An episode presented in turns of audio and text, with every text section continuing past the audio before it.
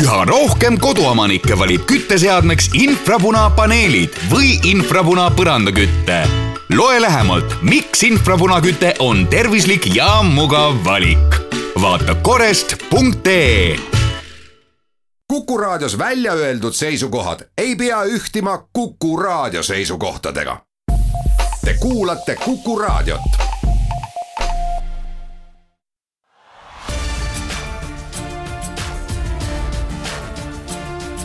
Linnaveerand tere, head Kuku kuulajad, teeme algust Viljandi linnaveerandiga, mina olen Annika Õunap. eriolukord on nüüdseks ametlikult tühistatud ning elu hakkab ja elu hakatakse tagasi lükkama oma tavapärasesse rutiini. nii palju, kui see on võimalik. seda kõike tehakse tasapisi, samm-sammult. sest peamine on jätkuvalt hoida oma ja teiste tervist. mul on hea meel ja võimalus nüüd ähm, uurida, kuidas läheb Viljandis eriolukorrast väljumine ja millega viljandlased lähikuudel või lausa aastatel silmitsi peavad seisma. Telefonil on Viljandi linnapea Madis Timson, tere Madis! tere päevast! no koroonakriis on kriis, millel on ju mitu palet.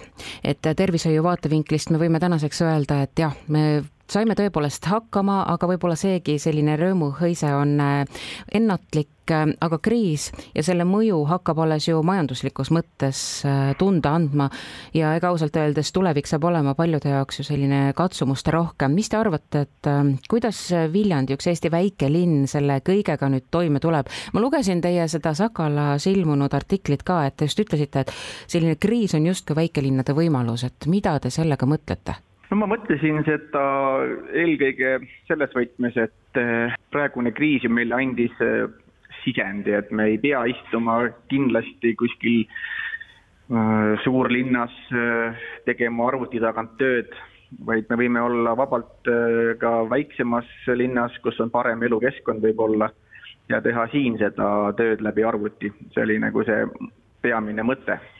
aga kui ma seda kriisi võrdlen eelmise kriisiga, kus mul on ka kogemus olemas päris hea, siis neid ei anna ju võrrelda. kui eelmise kriisi aeg me teadsime, mida me peame tegema, kuna majandus oli ülekuumenenud, siis äh, seekord meil on natukene keerulisem, sellepärast et keegi täpselt ju ei tea, mis meid ees ootab, millised need mõjud on, mis see maailma majandusele kaasa toob ja, ja noh, Eesti on selline avatud majandusega riik, kus äh, maailma majandusest sõltub päris palju ja Viljandi on, äh, kui kõik teavad meid kui kultuurilinna, siis tegelikult me oleme ka töötleva tööstuse ja ekspordilinn. ja meil on väga palju tööstusi, kes ekspordivad oma toodangut ja, ja kui need turud hakkavad äh, ära langema, siis see annab kindlasti ka tunda meie töötajate palkades majanduse käekäigust sõltub äh, tõepoolest igaühe käekäik ja iga linn, iga omavalitsus toimib tänu sellele, et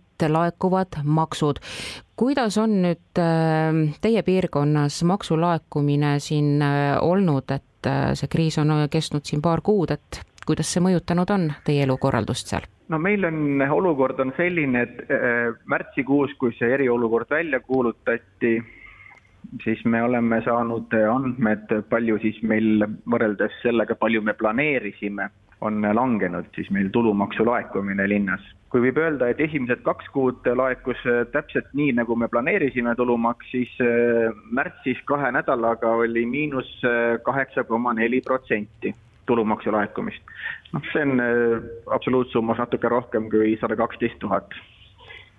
ja ma arvan, et ega aprill parem ei ole ja mai samuti kui ma olen ettevõtjatega siin rääkinud, siis äh, nad ise arvavad, et äh, võib-olla sügisel mingi moment hakkab asi taastuma ja nad on, noh, ettevõtjad on oma loomult juba sellised äh, võib-olla keskmisest optimistlikumad ja nad arvavad, et neljandas kvartalis võib-olla saavutatakse siis enne see kriisieelne tase.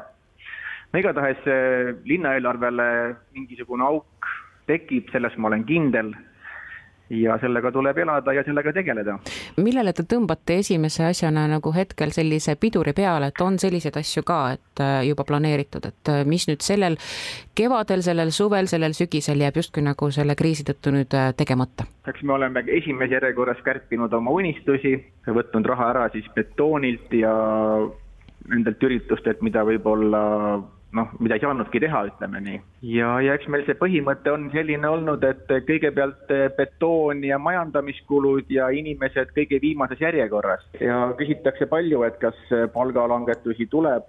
praegu meil on seisukoht, et me inimeste palka ei langeta, kes Viljandi linnast eh, palka saavad. vaatame sügiseni ära, vaatame, mis olukord on, võib-olla saame hakkama kuidas need tavalised pereisad, pereemad, kuidas nende käsi käib, et kas kriis on märgatavalt tõstnud töötuse taset või on teie sotsiaalosakond saanud äh, näiteks ka märgatavalt rohkem abipalveid?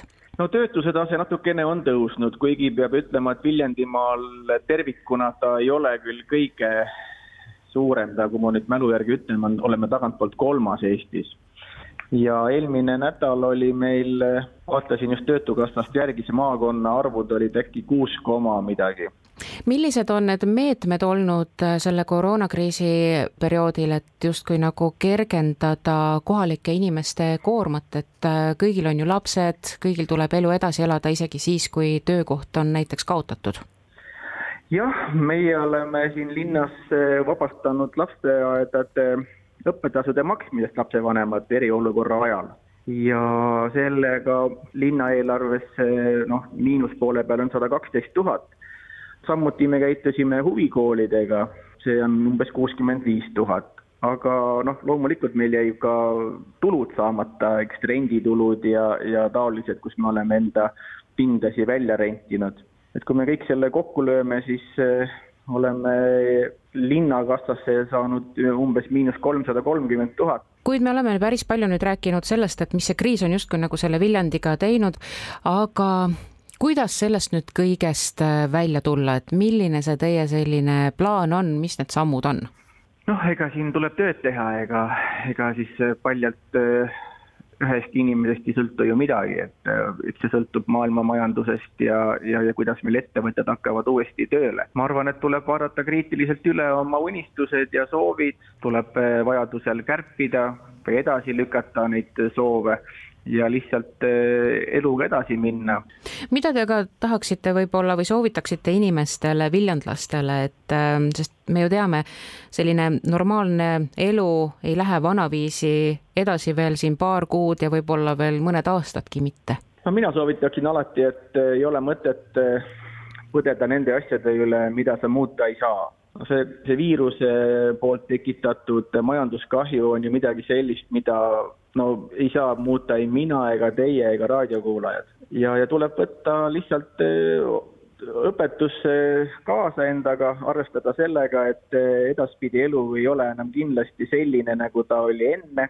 kindlasti liiguvad asjad rohkem internetti, ka kaubandus, ma arvan, ja selles suunas eh, ma arvan, kui see võtta kaasa see teadmine, siis tuleb lihtsalt edasi minna, ega see virisemine ja vingumine ei aita aga hoidkem positiivset meelt ja positiivset joont ning äh, ma soovin omalt poolt äh, teile palju jõudu, jaksu ja sama ka viljandlastele, aitäh teile! aitäh! kuid nüüd jätkame hoopis sellel teemal, et ähm, uuest õppeaastast saab ähm, uue juhi Viljandi Kultuuriakadeemia.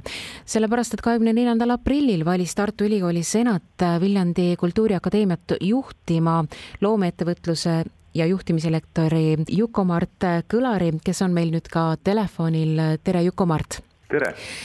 esmalt palju-palju õnne ja ma küsin kohe otse ära, et äh, mis oli see ajend, et äh, üleüldse kooli direktoriks kandideerida?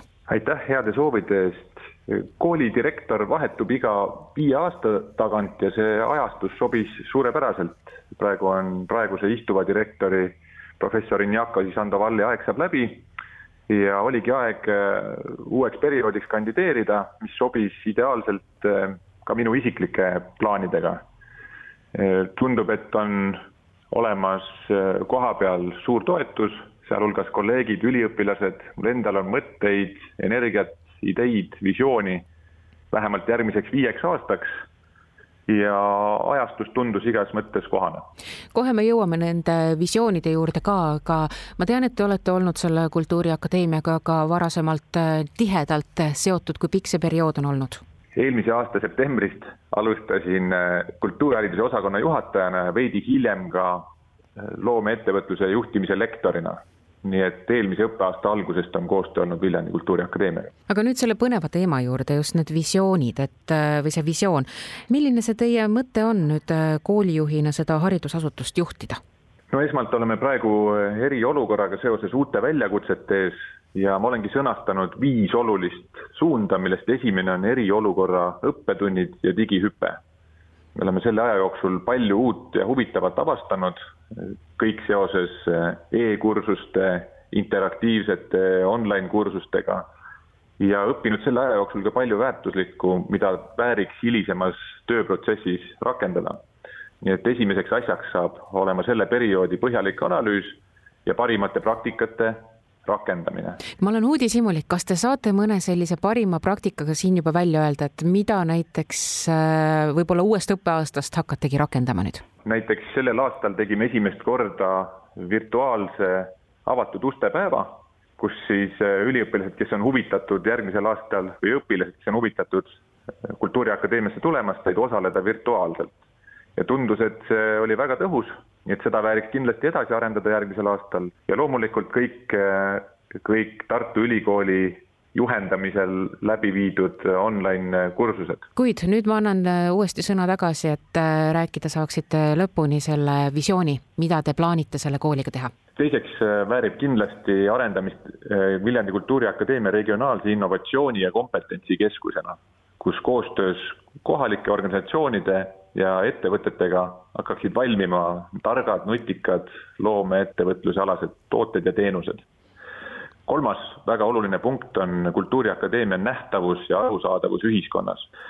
neljandaks eh, on Kultuuriakadeemia fookusteemadega seotud projektid. me peame suutma leida rohkem rahastust, käivitada, algatada ja osaleda meie fookusvaldkondadega seotud projektides ja viiendaks koostöö Tartu Ülikooli ja teiste haridus- ning kultuuriasutuste ja ettevõtetega kuid äh, millal täpsemalt äh, võtate üle kohustused äh, praegu ametis olevalt direktorilt? leping algab esimesel septembril, aga loomulikult eelnevad tegevused on juba praegu käivitunud, nii et valmistame koos kolleegidega seda üleminekut hoolega ette. aga suured-suured tänud ja ilusaid hetki, ma loodan, et need viis aastat saavad olema rõõmsad, töökad. suur tänu! kuid linnaveerandile tõmbame tänaseks joone alla. hoidke end, olgem terved ja kuulmiseni